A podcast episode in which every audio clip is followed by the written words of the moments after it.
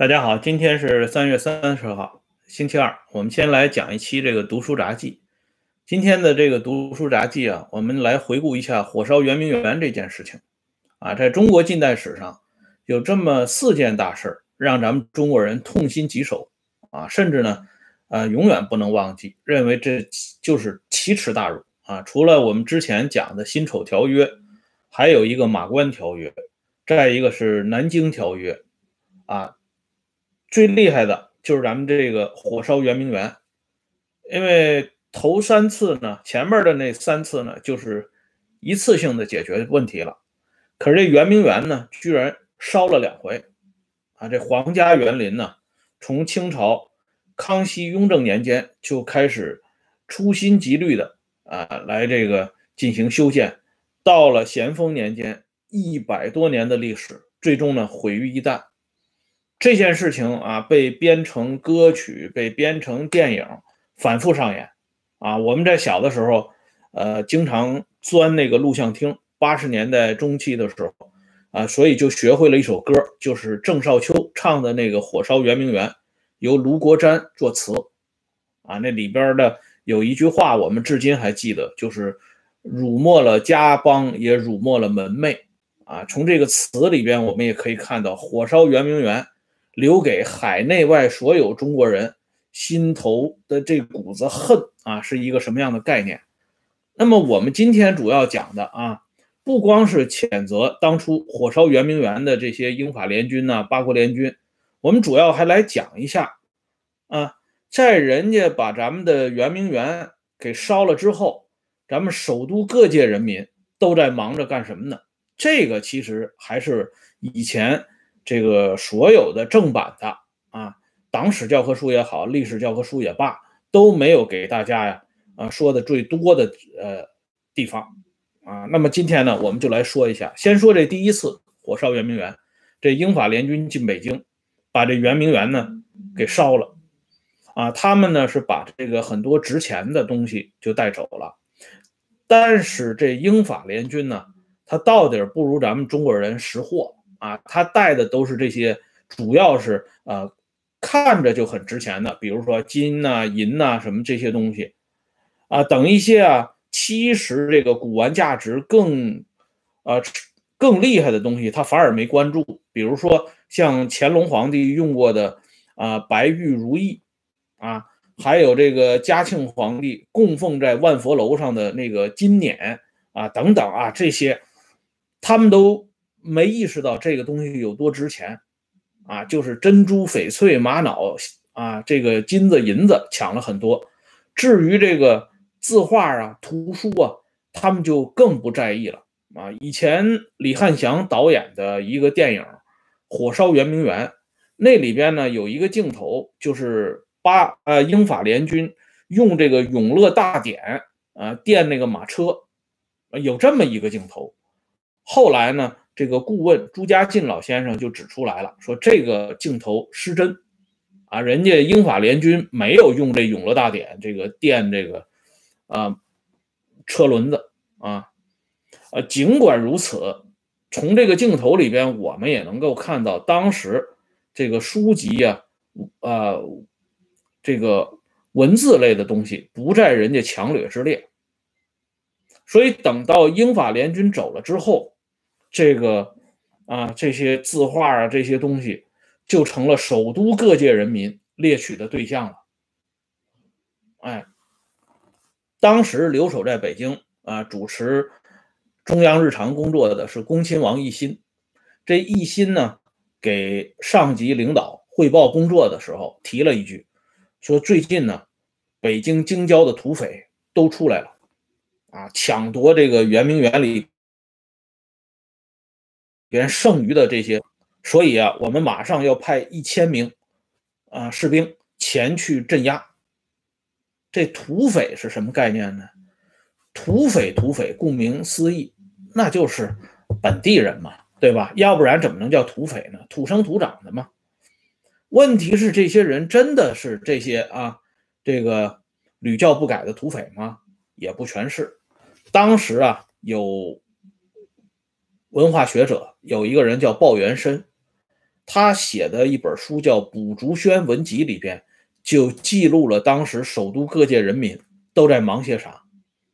啊，这个文言文我就不给大家掉书袋了啊，我就用白话文给大家说一下。他记录的一点，就是那些字画散落在路旁，然后呢，他亲眼目睹这首都各界人民呢蜂拥而至，啊，把这些字画、这些书啊、这些典籍，纷纷都拿回自己家去了。啊，要说呢，还是首都各界人民觉悟高。因为这些东西风吹日晒雨淋的话，肯定就糟践了。而且呢，呃，他们也看出来了，八呃，这个英法联军不识货，真正识货的还是首都各界人民啊。他们在帮助政府呢啊收拾残局啊。最好的办法就是把这些东西都运回自己家。哎，到了最后呢。这恭亲王奕欣派这一千多号人去镇压的时候，呃，又出现问题了，啊，这一千多号这清军士兵呢，在路上就跑了八百多，这跑这八百多干嘛去了呢？他们也参与搬运这个圆明园剩下的这些文物了，啊，他们一看，这个首都各界人民人手明显不够啊，这个军民鱼水情，在什么年代都是要讲究的。所以这八百多啊，这个八旗兵呢，就帮助首都各界人民一起去搬运这些文物去了。啊，这恭亲王一心一看，好嘛，这不行啊，这光是这一千多人不行。最后呢，他就把这个圣宝啊给派上了。啊，圣宝最终呢调了精锐部队，抓了一些土匪，当然也抓了一些不是土匪的土匪啊，这大家也都清楚了。反正呢，就把这些人都给办了。说这圆明园后来丢的这些东西都是这些人干的，啊，不过这么一搞呢，首都各界人民呢，啊，一下子就变得清白了，啊，也是黑不提白不提了。这是第一次啊，火烧圆明园的时候发生的一个场景。哎，到了第二次八国联军进北京，公元一九零零年八月十四号，八国联军攻入北京。慈禧太后带着光绪皇帝，他们就往西边跑了。八国联军进北京之后啊，这个八国联军呢还没有正式动手，他们进驻到朗润园、颐和园、玉泉山，啊，还没开始正式动手抢劫的时候，首都各界人民因为有了上一次啊这个英法联军火烧圆明园的经验，所以呢迅速组织起来。这次啊，组织的非常厉害，主要呢是由旗人组组织的，而且这旗人呢还不是一般的概念，他是正白旗和正黄旗的旗人啊。这正白旗和正黄旗，包括镶黄旗，这在大清朝那叫上三旗，由皇帝直接统领，这属于嫡系啊。以前我不是给大家做过一个不伦的比喻啊，就是非常不恰当的比喻。这相当于井冈山的啊，江西苏区的啊，和这个延安的啊，这属于这三股力量啊，应该说都是大清朝的铁粉。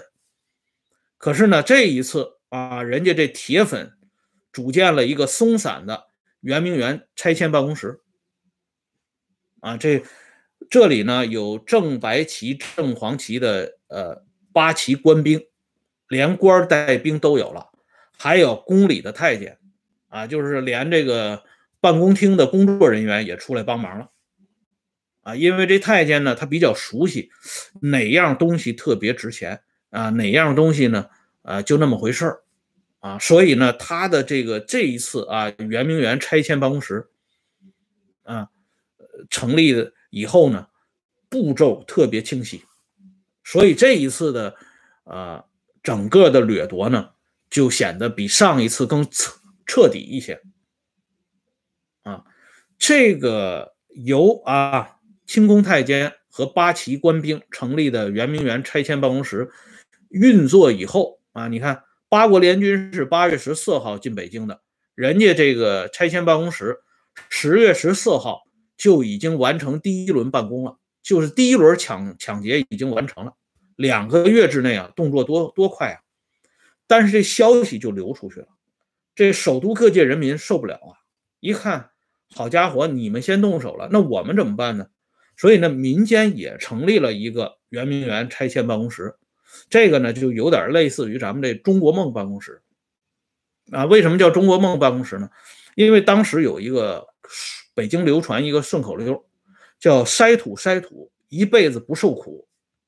啊，我记得上个世纪九十年代曾经有一款家用电器，啊，也有这么一个广告词，叫“燕舞燕舞，一曲歌来一片情”。哎，我觉得跟这个“筛土筛土，一辈子不受苦”非常的搭啊。就说中国人民的这个智慧呢，永远是传承不断的，非常厉害啊，总能够苦中作乐啊，自行安慰，把最苦难的地方从心坎上一下子就迈过去了。这个塞土塞土是什么概念呢？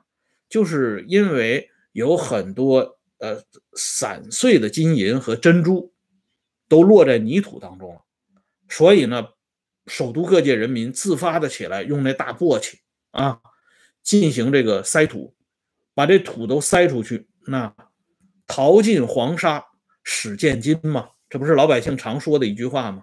而且不光是金子。有的啊，就跟那个子弹头大小的那个珍珠，还有那小小的那种翡翠，特别值钱。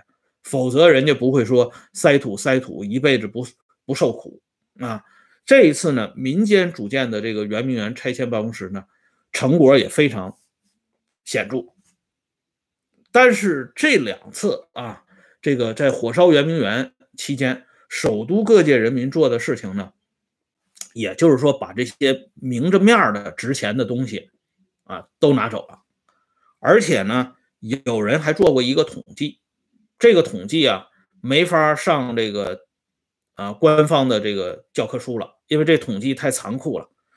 就是说，八国联军包括之前的英法联军，他们从圆明园抢的这东西，和后来这个半官方和民间组建的圆明园。啊，强拆办公室，他们抢夺的东西，它中间有一个比例，大概是在百分之七十二到百分之啊百分之七十到百分之三十这个概念啊，具体数字呢还有待进一步考证，而且这个数字啊，百分之七十到百分之三十，估计也是那种粗略的估计啊，因为很多呃后续的统计工作无法进行啊，所以说呢。在两次火烧圆明园过程当中，首都各界人民也是出了很大的力的，啊，这是一方面。问题在于呢，这个圆明园的厄运呢还没有完事儿，因为第一次英法联军烧的时候啊，有些地方它是没有烧到的啊，比如说，呃，咱们举个例子啊，比如说。以春园当中的庄严法界，啊，这个当时在一八六零年，啊烧毁的时候，它是保存下来了。可是，在八国联军这一次的时候，被首都各界人民给搞掉了，没了。哎，像我刚才说的，嘉庆皇帝供奉在万佛楼上的那个金辇，啊，那是很值钱的东西，它是从和珅家里抄出来的，啊。那个东西在第一次一八六零年的时候没有让人家英国人、法国人带走，可是在这次啊一九零零年的这一次就没有幸免于难，被首都各界人民在晚上给发现了，从泥土堆里给发现了，直接就给顺走了。所以人家为什么说筛土筛土一辈子不受苦，道理就在这里。刚才我说了，这圆明园的厄运没有结束，因为接下来就到了民国了。这民国按说应该比大清更好一点啊，可是呢，民国政府的这些政要首脑们也看上了圆明园了啊。冯国璋代理大总统冯国璋他们家修园子，把圆明园的石头给运走了。安国军大元帅张作霖在抚顺给自己修万年吉地啊，就是那坟头，也把圆明园的华表啊。这个汉白玉都给运走了。这徐世昌徐大总统，他需要这这个呃石头的时候，也到圆明园拉石头。那这些是顶尖级的人物。那次于他们的，比如说王怀庆啊、江朝宗啊，那也是上下其手。而且北京今天的有些建筑里边很多也都有圆明园的遗迹，比如说最有名的中山公园，它的很多石头都是从圆明园那儿拉过去的。还有一个必须要提到的啊，我们都知道当年张伯苓先生创办了一个南开，啊，这是遗泽子孙的一件大事儿啊。南开呢也出了一些著名的人物。那么当时北京还有一个，就是由熊希龄老先生创办的香山慈幼院，啊，这个收集了很多受灾的儿童到这里呢进行养育。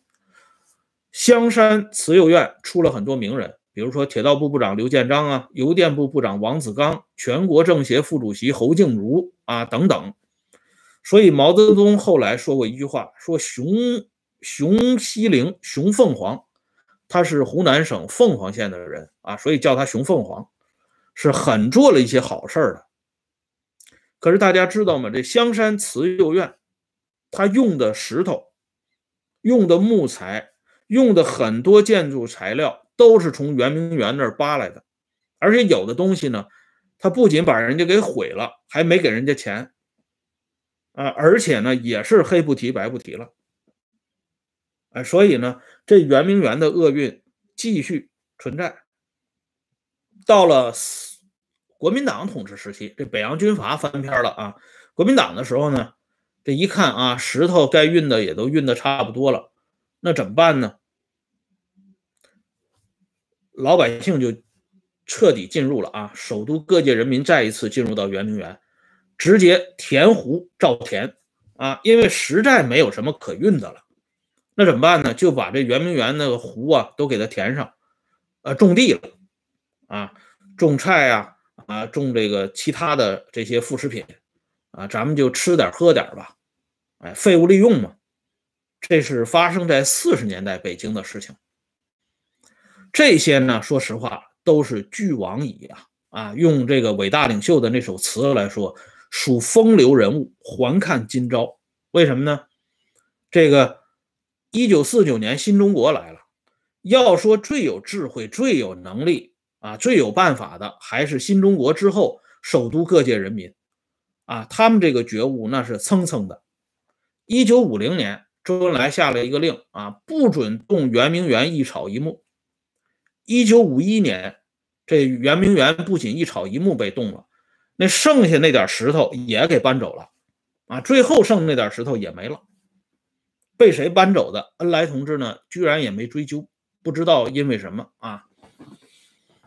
那接下来呢，到了六十年代，最有意思的事情终于发生了啊！这老百姓不是在这个圆明园里种了很很多地吗？这人民公社啊，就是咱们这个乡一级政府。还有生产大队，这个村一级政权看不下去了，土地国有啊，一切归于苏维埃呀，怎么能让你老百姓在这里随便吃吃喝喝呢？把这里当家了，那还得了？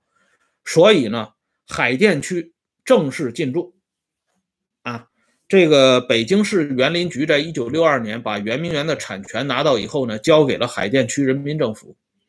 这人民政府一进去以后，那真的是改天换地啊，非常的壮观。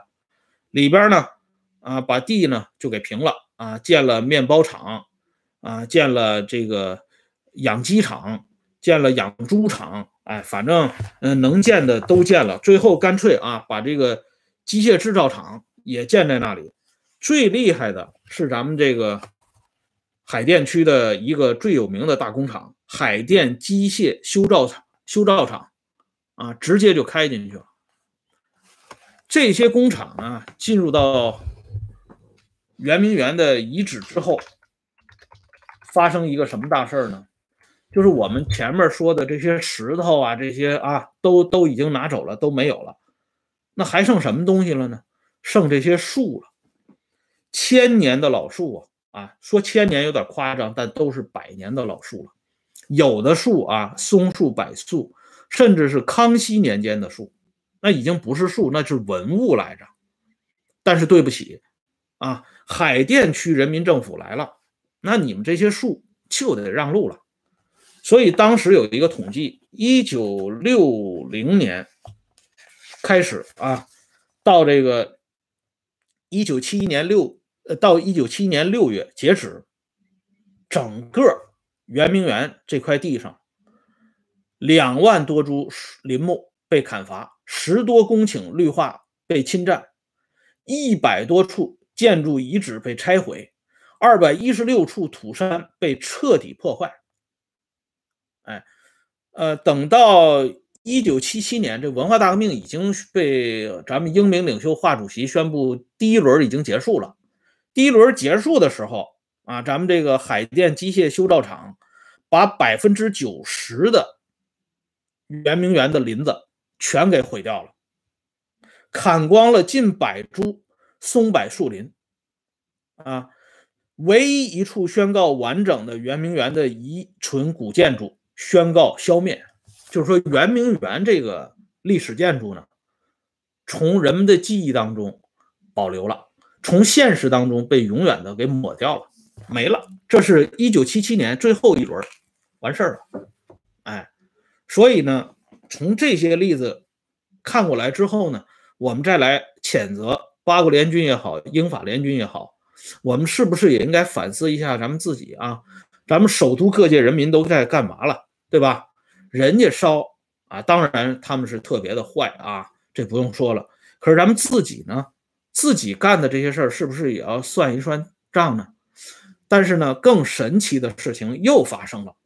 到了一九七八年，著名的三中全会开了啊，祖国呢又一次改天换地了，号称是改革开放了。啊，咱们都拨乱反正了，这圆明园呢又被重视起来了。圆明园已经完全毁了，结果呢给重视起来了。这国家呢，啊重视圆明园之后办的第一件大事是什么呢？啊，特别有意思，就北京市政府编制委员会啊编委把这圆明园管理处提升为县团级正处级单位啊。就为了重视圆明园嘛，所以把他圆明园管理处给提及了。所以原来圆明园管理处的主任呢是科长，这回呢摇身一变变处长了啊。所以这圆明园重新被重视，最受益的是这管理处的主任。问题是这圆明园已经不在了，这圆明园管理处它的存在的意义在哪儿呢？还是有意义的，因为呢它和可以忽悠这个接下来的人，告诉大家啊，这奇耻大辱，这都是。八国联军干的都是英法联军干的，啊，后来呢，我们就看到这圆明园遗址啊开始卖票了，啊，开始收费了，又开始建了很多假，呃，假的古建筑啊，仿真的那些古玩都拿回来了，而且呢，这英国人、法国人的后代呢也来参观，在这个留言簿上啊，很多英国人、法国人的后代都写了，说我们特别痛恨我们的祖先。干下那么缺德的事儿啊，把这么一个好的这个世界级的园林给毁了。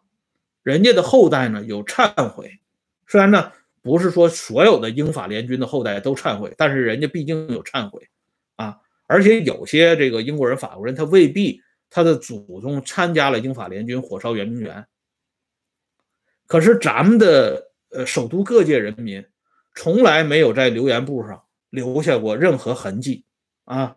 说自己的祖宗啊，或者是自己知道的那些人，曾经啊也参与过火烧圆明园，没提过。首都各界人民留言都是勿忘国耻，啊，觉悟非常高。所以这么一看呢，我们就知道，这每一次这毁中国最厉害的都是哪群人啊？他往往呢是跟那个爱国最厉害的是同一伙人，所以呢，为什么咱们说这盐碱地非常神奇，就在这里啊。好了，今天的节目呢，咱们就说到这里，感谢朋友们上来支持和收看，欢迎大家关注温相说时政会员频道，每天都有更新。一会儿呢，咱们党史杂谈再来一期啊，继续说一说这个。党史上的大事小情，好了，今天呢就到这里，明天再见啊！一会儿接着聊啊，再见。